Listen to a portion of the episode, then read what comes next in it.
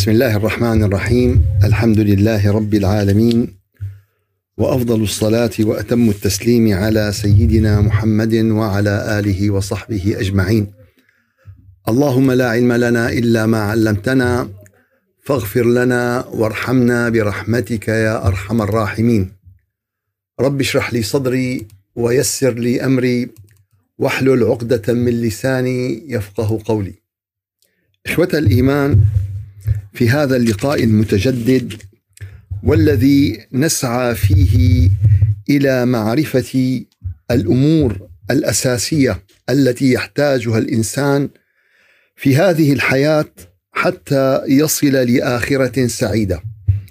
الأمور الأساسية التي على الإنسان أن يدركها حتى يعلم ماذا أراد الله عز وجل منه وماذا رسم له من خطة حتى يحقق الحياة السعيدة والآخرة السعيدة.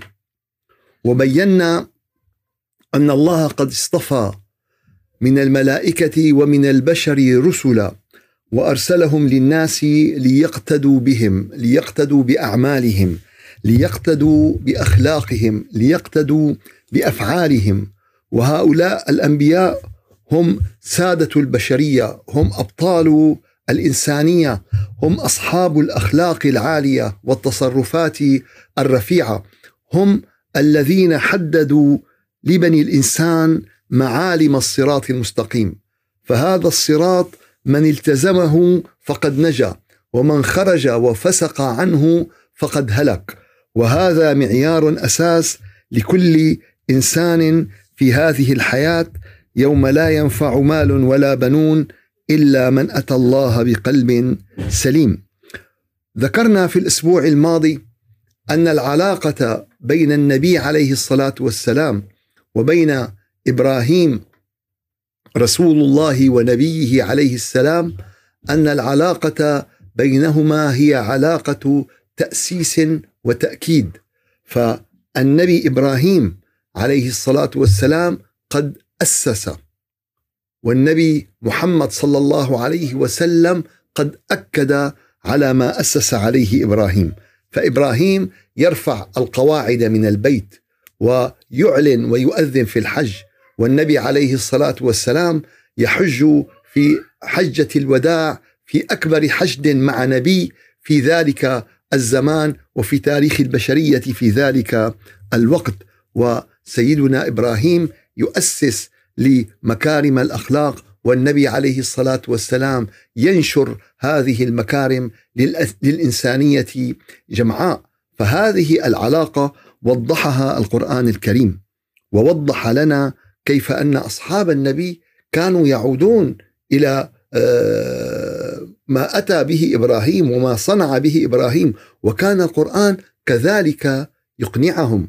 فهم مرتبطين بالجذور هم مرتبطين بالآباء هم حتى لو كانوا كفار حتى لو كانوا وهذه خصلة جدا مهمة وهذه الخصلة يسعى إليها الشيطان ليقطع جذورها. اليوم الشيطان عم بيحاول بكل الوسائل بالإعلام بكل الطرق بكل الإمكانيات أن يقطع الجذور بين الآباء والأبناء.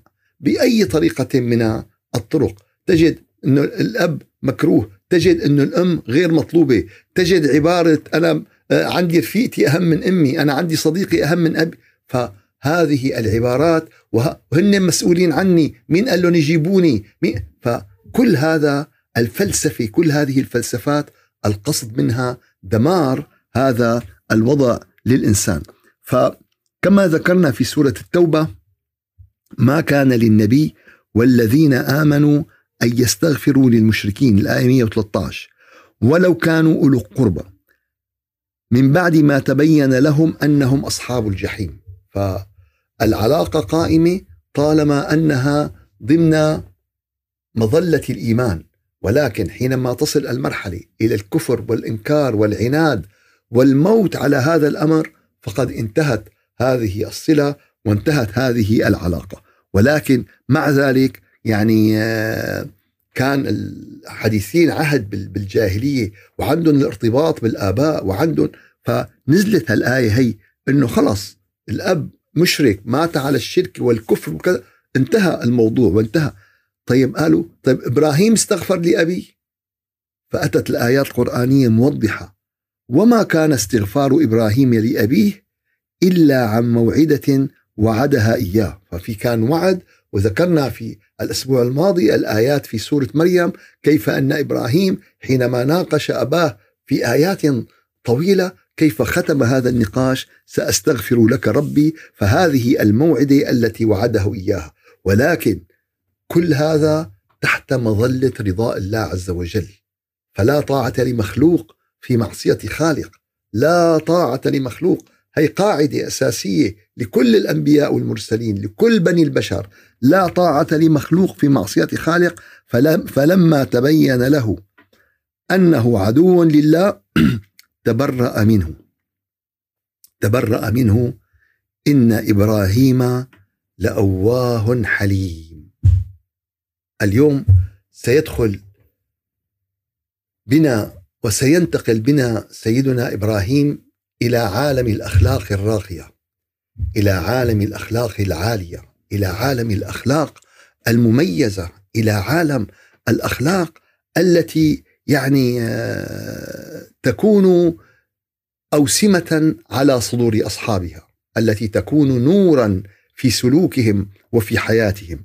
إن إبراهيم لأواه حليم وتكررت الحقيقة هذه الصفات لسيدنا إبراهيم. فكما سنرى في سورة هود ذكر إن إبراهيم لحليم أواه منيب. يعني هالصفات هي اتأكدت لسيدنا إبراهيم.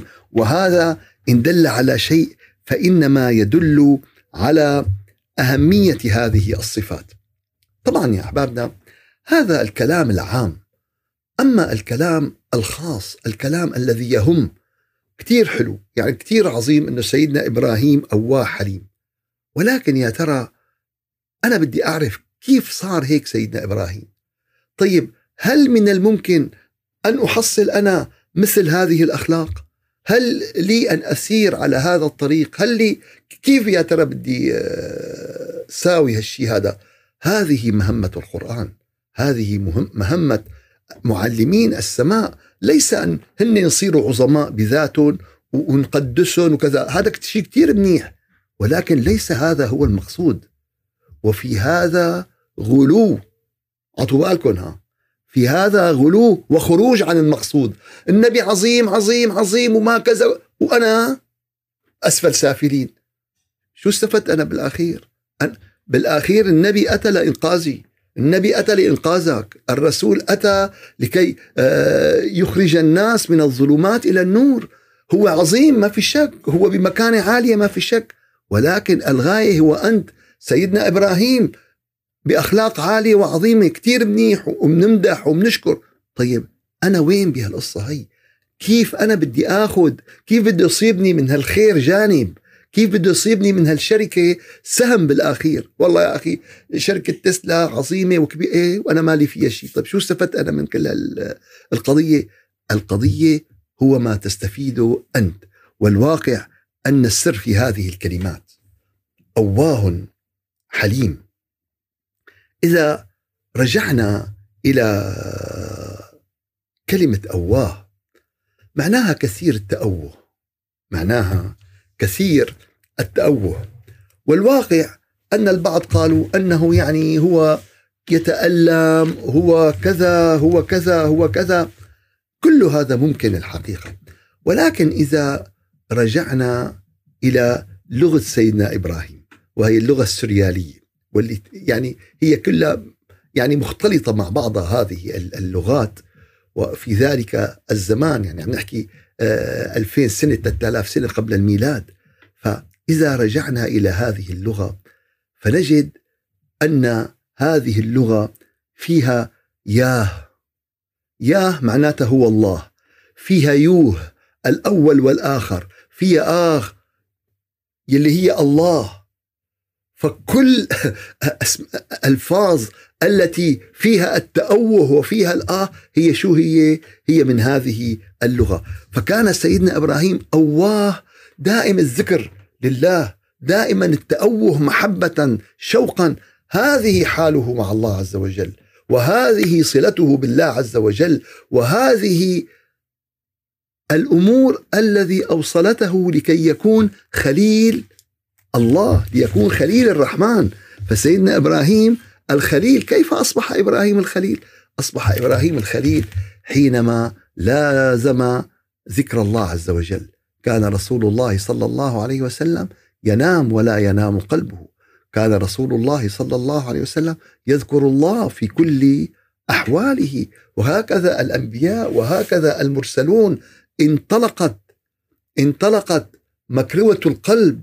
انطلق القلب بذكر الله فهو لا يتوقف. كيف قلب الدم لا يتوقف؟ دائما عم بينبض عم بينبض عم بينبض.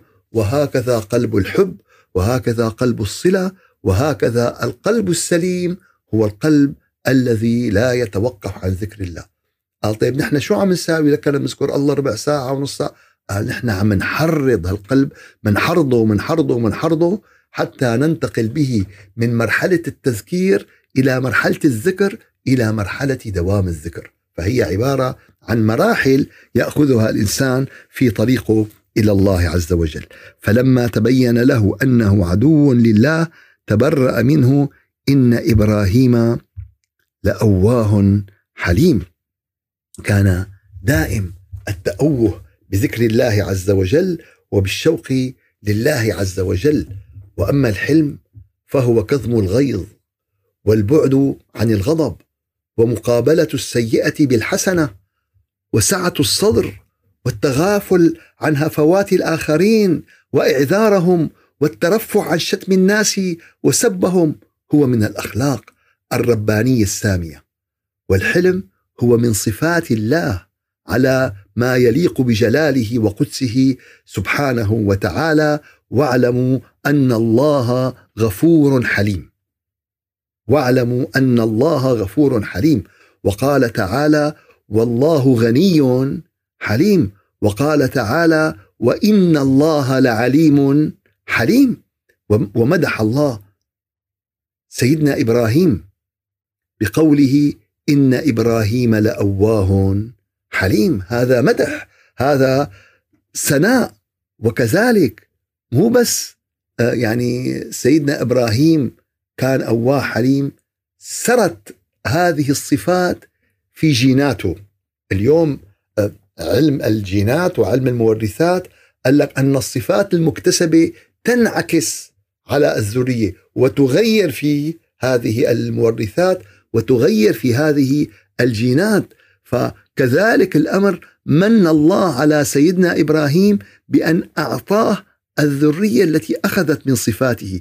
إن إبراهيم لأواه حليم وقال عن إسماعيل عليه السلام فبشرناه بغلام حليم. طيب بشرناه لسه الولد ما إجا. لسه الولد ما تربى. لسه الولد ما اتى فكيف أخذ هذا الحلم؟ أخذوا وراثة؟ قال نعم هذه الصفات المكتسبة هذه الصفات التي دخلت في الدم ودخلت في المورثات ودخلت في الوجود تنتقل إلى إيش؟ تنتقل إلى الذرية الصالحة فتنبت وتزيد وتزهو. فكما كان إبراهيم أواها حليم كذلك أتى إسماعيل بهذه الصفة فبشرناه بغلام حليم الصافات 101 وكذلك اعترف أصحاب مدين وقوم شعيب فباتصاف شعيب بهذه الصفة قالوا يا شعيب أصلاتك تأمرك أن نترك ما يعبد آباؤنا أو أن نغفل في أموالنا ما نشاء؟ إنك لأنت الحليم الرشيد. فهذا الحلم يا أحبابنا اللي هو من أسماء الله اللي هو من آه، صفات الله يلي انذكرت بأحد عشر آية في القرآن الكريم للدلالة على أهميتها والدلالة على مكانتها كانت صفة مكتسبة عند سيدنا إبراهيم. كيف اكتسب هذه الصفة؟ اكتسب هذه الصفة بذكره لله عز وجل. فمن جالس اكتسب.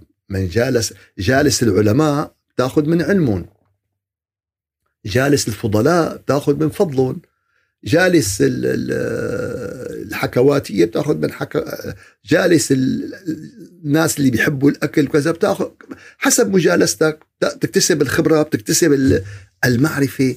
جالس الله عز وجل تأخذ من هذه الصفات بما يتناسب مع بشريتك وبما يتناسب مع إنسانيتك.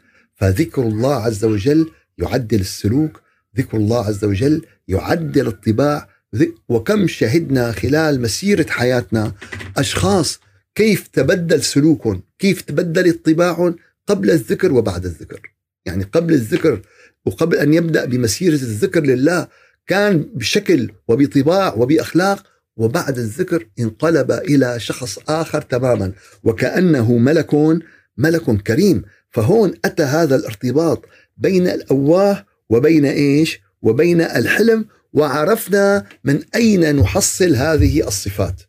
فالإنسان اليوم يوم بيقعد جنب آه، صوبيا شاعلي وعم تنشر الحرارة شو راح ياخذ من صحبته إلى؟ راح ياخذ هذه الحرارة بده ياخذ هذه الحرارة. طيب إذا إنسان فات على المطبخ في أكل وطبخ حياخذ من هذه الروائح.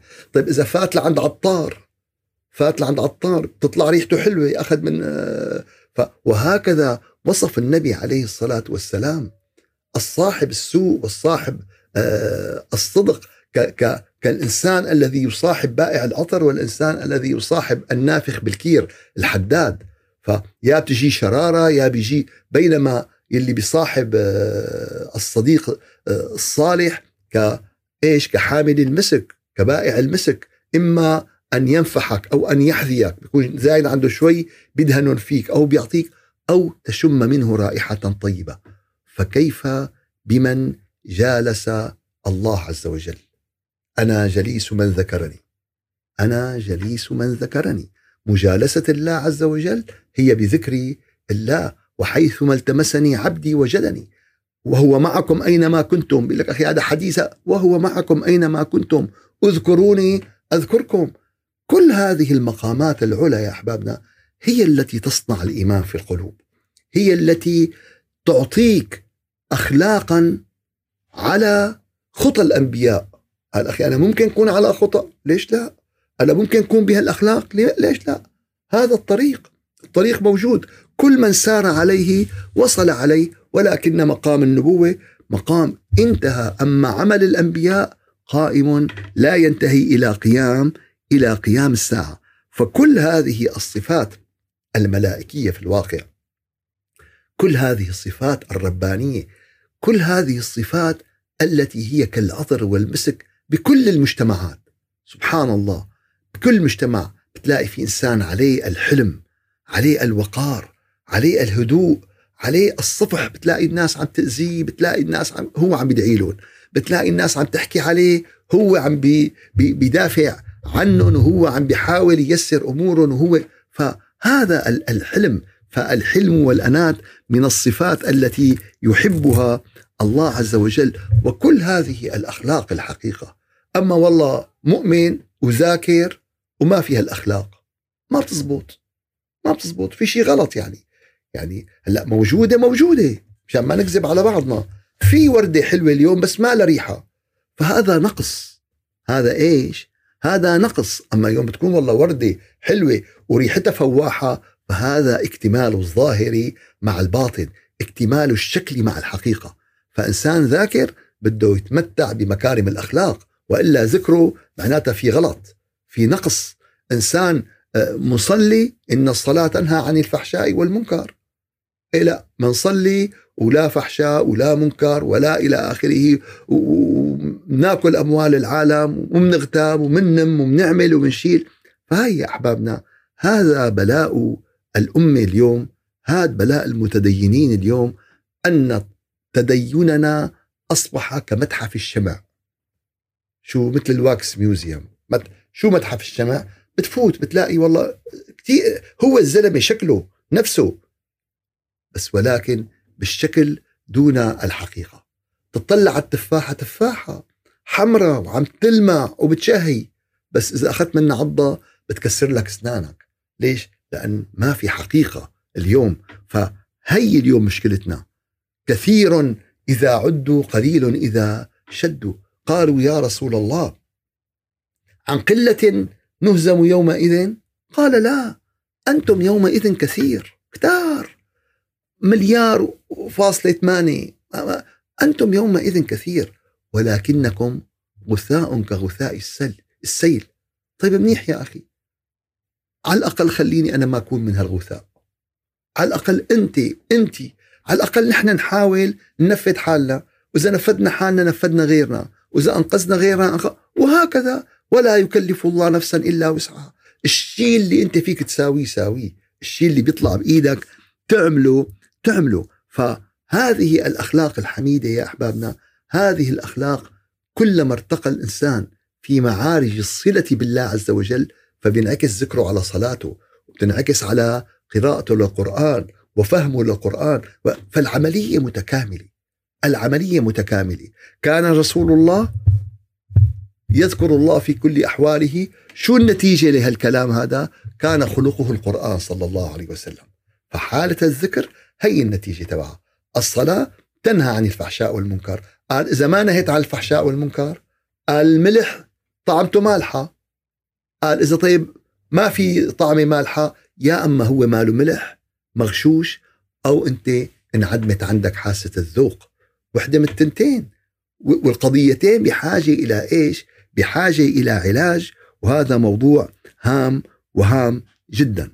ننتقل بعد ذلك إلى مرحلة جديدة مع سيدنا إبراهيم. إلى صفحة مهمة ومهمة جدا يعني تصف سيدنا إبراهيم بلقاء فريد من نوعه لبني الإنسان. يدخل بنا سيدنا إبراهيم إلى عالم الملائكة إلى عالم الملائكة ويخلد لنا القرآن الكريم. هذا الاجتماع الذي تم بين أبو الأنبياء وبين ملائكة السماء؟ قال يا أخي شو عم.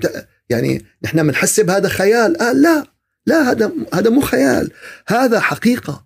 اليوم كثير من المسلمين يعني يظنون عالم الملائكة يعني عالم يعني عالم خيالي أو عالم يعني آه، تهيئي أو تخيل لا لا يا أحبابنا. عالم الملائكة عالم قائم بذاته عالم واسع له بداية وليس له نهاية. عالم ممتد وفيه من القواعد والقوانين والانضباط فيه من الأنوار فيه من يعني آه الشيء الذي يعجز ابن آدم عن إدراكه وعن وصفه في هذه الحياة. ولكن القرآن الكريم بسط لنا الأمر. ليش؟ لحتى نحسن نتقبله. وجسد لنا هذا الأمر بما يتناسب مع عقولنا وأمكانياتنا وأحاسيسنا وذكر ذلك في سورة هود في الآية 69 في سورة هود الآية 69 ولقد جاءت رسلنا إبراهيم بالبشرى. جاي ليش الملائكة؟ إلى مهام. إلى مهام هي تحمل البشارة لبني الإنسان. نحن أولياؤكم في الحياة الدنيا وفي الآخرة. إن الذين قالوا ربنا الله ثم استقاموا. تتنزل عليهم الملائكة. ألا تخافوا ولا تحزنوا. هالحكي وين؟ بالدنيا. نعم بالدنيا. وأبشروا بالجنة التي كنتم توعدون. فهذا الكلام لا مو مخصور على الآخرة لا لا. هذا الكلام هو كلام في الدنيا. والعلاقة بين الإنسان والملائكة علاقة منضبطة بأشد درجات الانضباط. ف ولقد جاءت رسلنا إبراهيم بالبشرى. قالوا سلاما. فحتى السلام تحية الملائكة. فالنبي عليه الصلاة والسلام علمنا تحية السلام وقال يعني ألا أدلكم على شيء إذا فعلتموه تحاببتم؟ أفشوا السلام بينكم. أفشوا هذا السلام. هذا الأمن. هذا الطمأنينة. هي كلمة ولكن عنوان لحالة. فأنت جيرانك بيشعروا إنه أنت سلام. كل الناس تشعر إنه أنت تحمل الطمأنينة تحمل وبذلك تكذب كل هالإعلام هذا. تكذب أنا أذكر كان عندنا يعني جارة كبيرة بالعمر ومن أولاد عمنا يعني. ف ورغم يعني مثل ما بيقولوا هلكتنا يعني. بس لما انتقلنا من جوارها قعدت تبكي مثل أولاد صغار صارت تبكي. ليه صارت تبكي؟ لأن كانت مدركة إنه هدول ناس مسالمين ناس بيحموني ناس بيديروا بالهم علي. ما لهم أناس والله أنا إذا لزمني مستشفى إذا بدي إسعاف إذا أحيانا دق الساعة 3 بالليل إنه والله أنا نسيت مفتاحي برا ساعدوني أحيانا. ف فبتعرف إنه هدول أناس بلبوها وهدول أناس عندهم من الأخلاق والقيم شيء فجلست تبكي مثل أولاد صغار وهي عم بتودع. ف ولقد جاءت رسلنا إبراهيم بالبشرى قالوا سلاما فالسلام تحية الأنبياء. قال سلام فما لبث أن جاء بعجل حنيذ. خلق جديد. الاهتمام بالضيف. وقر الضيف. وإكرام الضيف. خلق ثالث. الكرم. الكرم. شو عجل حنيذ؟ يعني عجل جب عجل شواه على الصخر وعلى شو اسمه هذا؟ يعني شو شو شو يعني أنتم متصورين هذا قديش بده شغل وقديش بده تعب وقديش أهل البيت يعني والله أحيانا ناكل هم كاسة الشاي. يعني شو عجل حنيذ ف يعني اللهم صل على سيدنا إبراهيم. يعني يعني ف قديش كرم قديش في أخلاق قديش في اهتمام بالضيف. ما بيعرفون. مو إنه مو جاي لعنده رئيس الوزراء. مو جاي لعنده رئيس مجلس الشيوخ؟ ما بيعرف مين هدول. جايين قالوا سلاما قال السلام عليكم وعليكم السلام. جاي ضيوفه فدغري شو؟ قبل قبل ما يقول لهم شيء قبل السلام قبل ما يعرفهم مين هنين. جاب لهم شو؟ جاب لهم ما شاء الله. يعني والله هذا مستوى معجز بالكرم. هذا مستوى معجز في الاهتمام بال بال بالضيف. فلما رأى أيديهم لا تصل إليه هم ملائكة. الملائكة لا يأكلون ولا يشربون. حتى لو كان عجل حنيز وحتى لو كان مقدمه سيدنا إبراهيم يعني والله لو كنا نحن على هذه المائدة كنا يمكن أكلنا العجل مع عظامه ومع يعني ما ادري سيدنا إبراهيم وما أدراك ما ما ادري سيدنا إبراهيم. ف فالملائكة ملائكة. خلص لا يأكلون لا يشربون.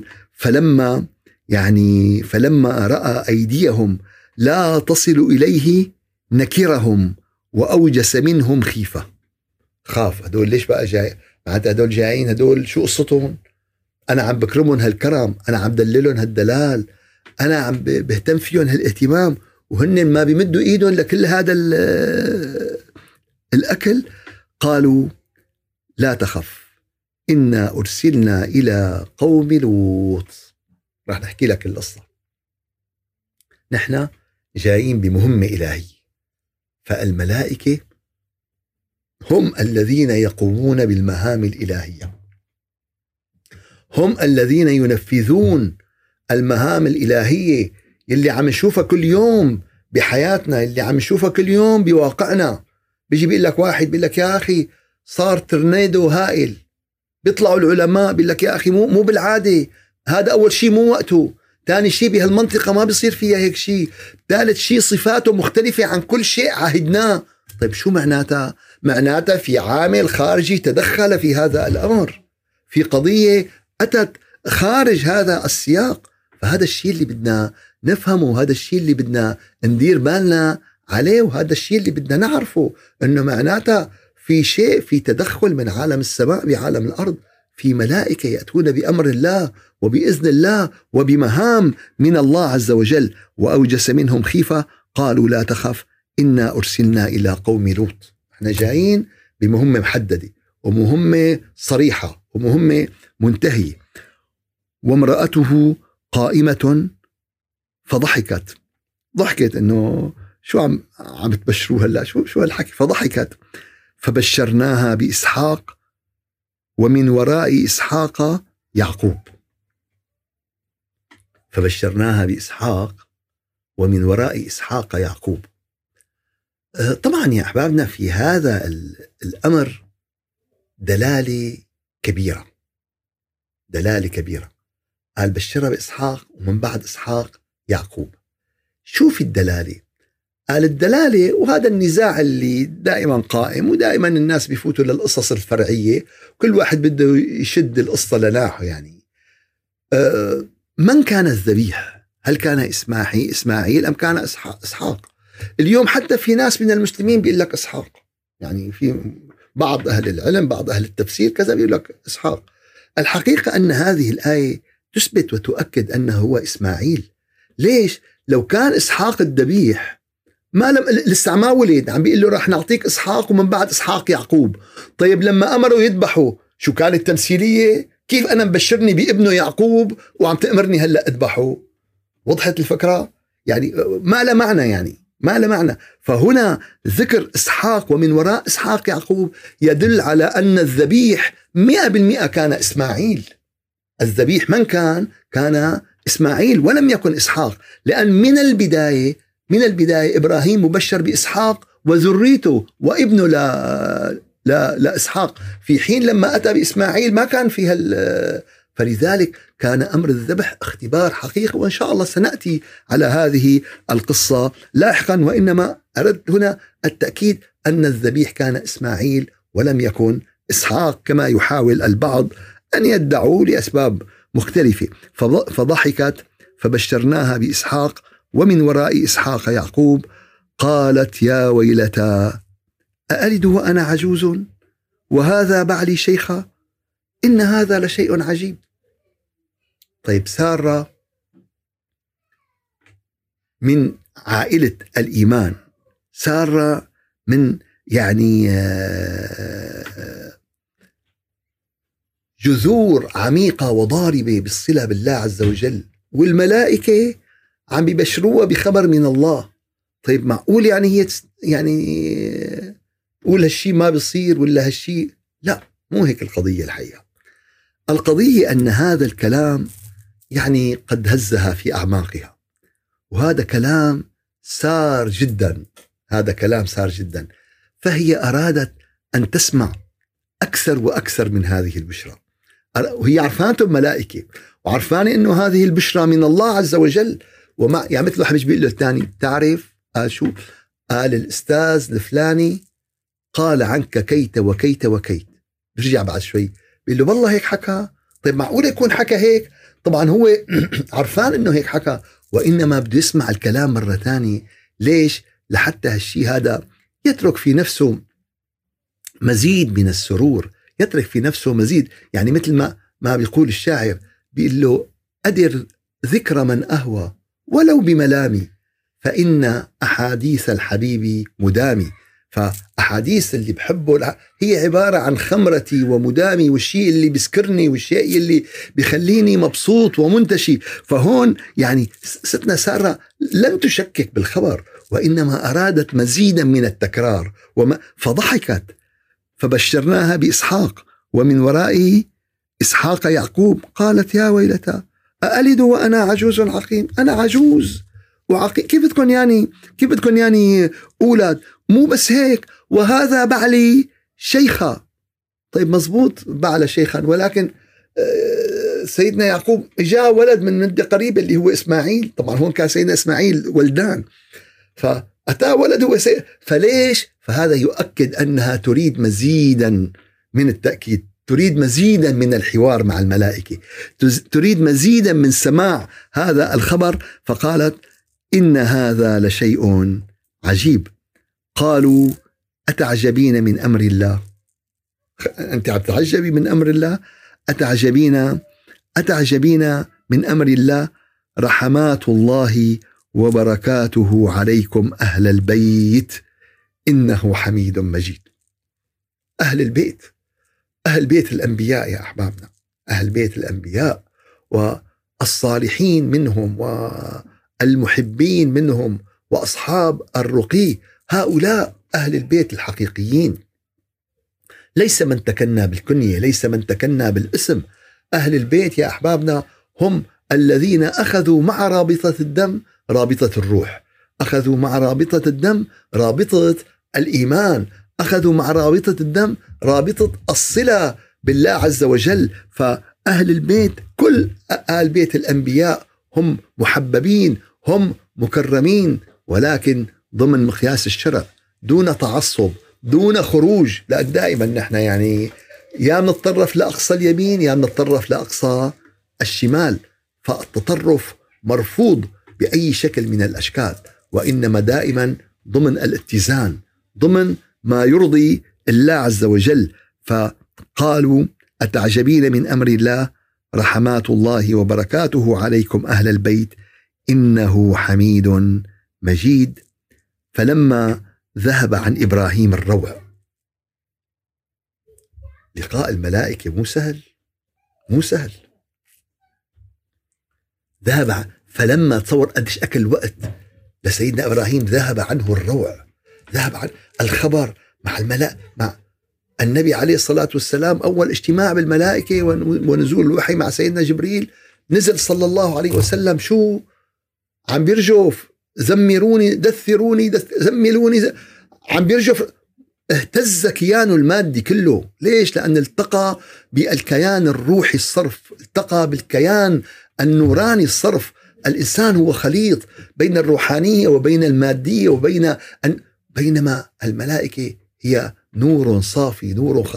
فهذا يحدث إيش؟ هذه الهزة فلما ذهب عن إبراهيم الروع ومثل ما بيقولوا راحت آه، السكرة وإجت الفكرة بيروح الواحد أول شيء الضوء هلأ بقى اجى العقل اجى التفكير وجاءته البشرى يجادلنا في قوم لوط لاحظ قال لك وجاءته البشرى رغم إنه أتته البشرى ورغم إنه بشر بهؤلاء الأنبياء. في أعظم من هالخبر هذا؟ في أفظع من هالخبر هذا؟ بس هو باله وين؟ ما عم بيسالون شو وضعهم الذرية اللي جايني؟ شو وضعهم إسحاق ويعقوب؟ شو بده س... لا. شو عمل؟ يجادلنا في قوم لوط. هذا الحليم يا أحبابنا.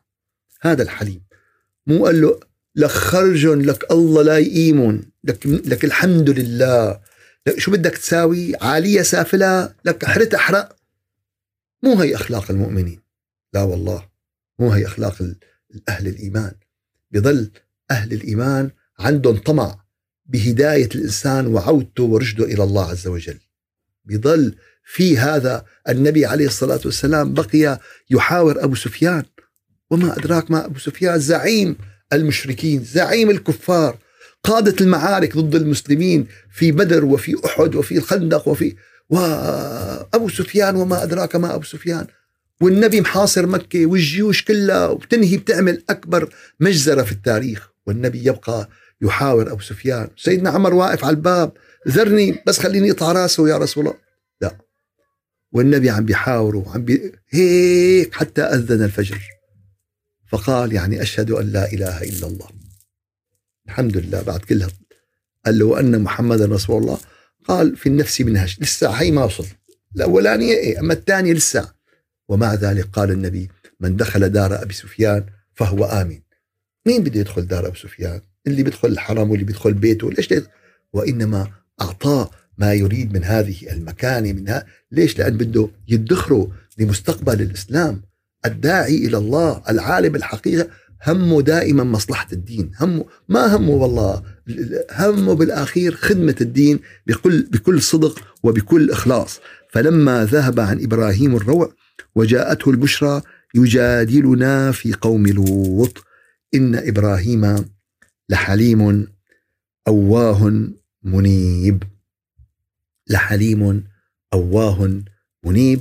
إن شاء الله نتابع في الأسابيع القادمة مع قصة أبو الأنبياء مع أبو الدعاة إلى الله عز وجل مع هذه الأخلاق الحميدة التي يجب أن يتحلى فيها كل داعي إلى الله عز وجل كل داعي إلى الله عز وجل. كل من يدعو إلى سبيل ربه بالحكمة والموعظة الحسنة أن يتحلى بها أهل الإيمان ليكونوا دعاة بأخلاقهم ليكونوا دعاة بتصرفاتهم قبل أن يكونوا دعاة بأقوالهم. فهم دعاة بأحوالهم وأخلاقهم إلى صراط الله المستقيم سبحان ربك رب العزة عما يصفون وسلام على المرسلين والحمد لله رب العالمين إلى شرف النبي وأرواح المؤمنين الفاتحة. أعوذ بالله من الشيطان الرجيم، بسم الله الرحمن الرحيم. الحمد لله رب العالمين وأفضل الصلاة وأتم التسليم على سيدنا محمد وعلى آله وصحبه أجمعين. اللهم أعنا على ذكرك وشكرك وحسن عبادتك ولا تجعلنا يا إلهنا يا مولانا من الغافلين. يا رب يا رب اهدنا لأحسن الأخلاق. لا يهدنا إليها إلا أنت. واصرف عنا سيء الأخلاق. لا يصرف سيئها إلا أنت. يا رب العالمين اشرح صدورنا ويسر أمورنا. وفرج كرباتنا وخر لنا واختر لنا ما يرضيك عنا.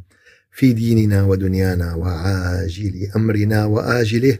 اللهم لا تأمنا مكرك ولا تنسنا ذكرك ولا تهتك عنا سترك ولا تجعلنا من الغافلين. وبعثنا اللهم في أحب الساعات إليك كي نذكرك فتذكرنا وندعوك فتستجيب لنا ونستغفرك فتغفر لنا. إلهنا مولانا رب العالمين.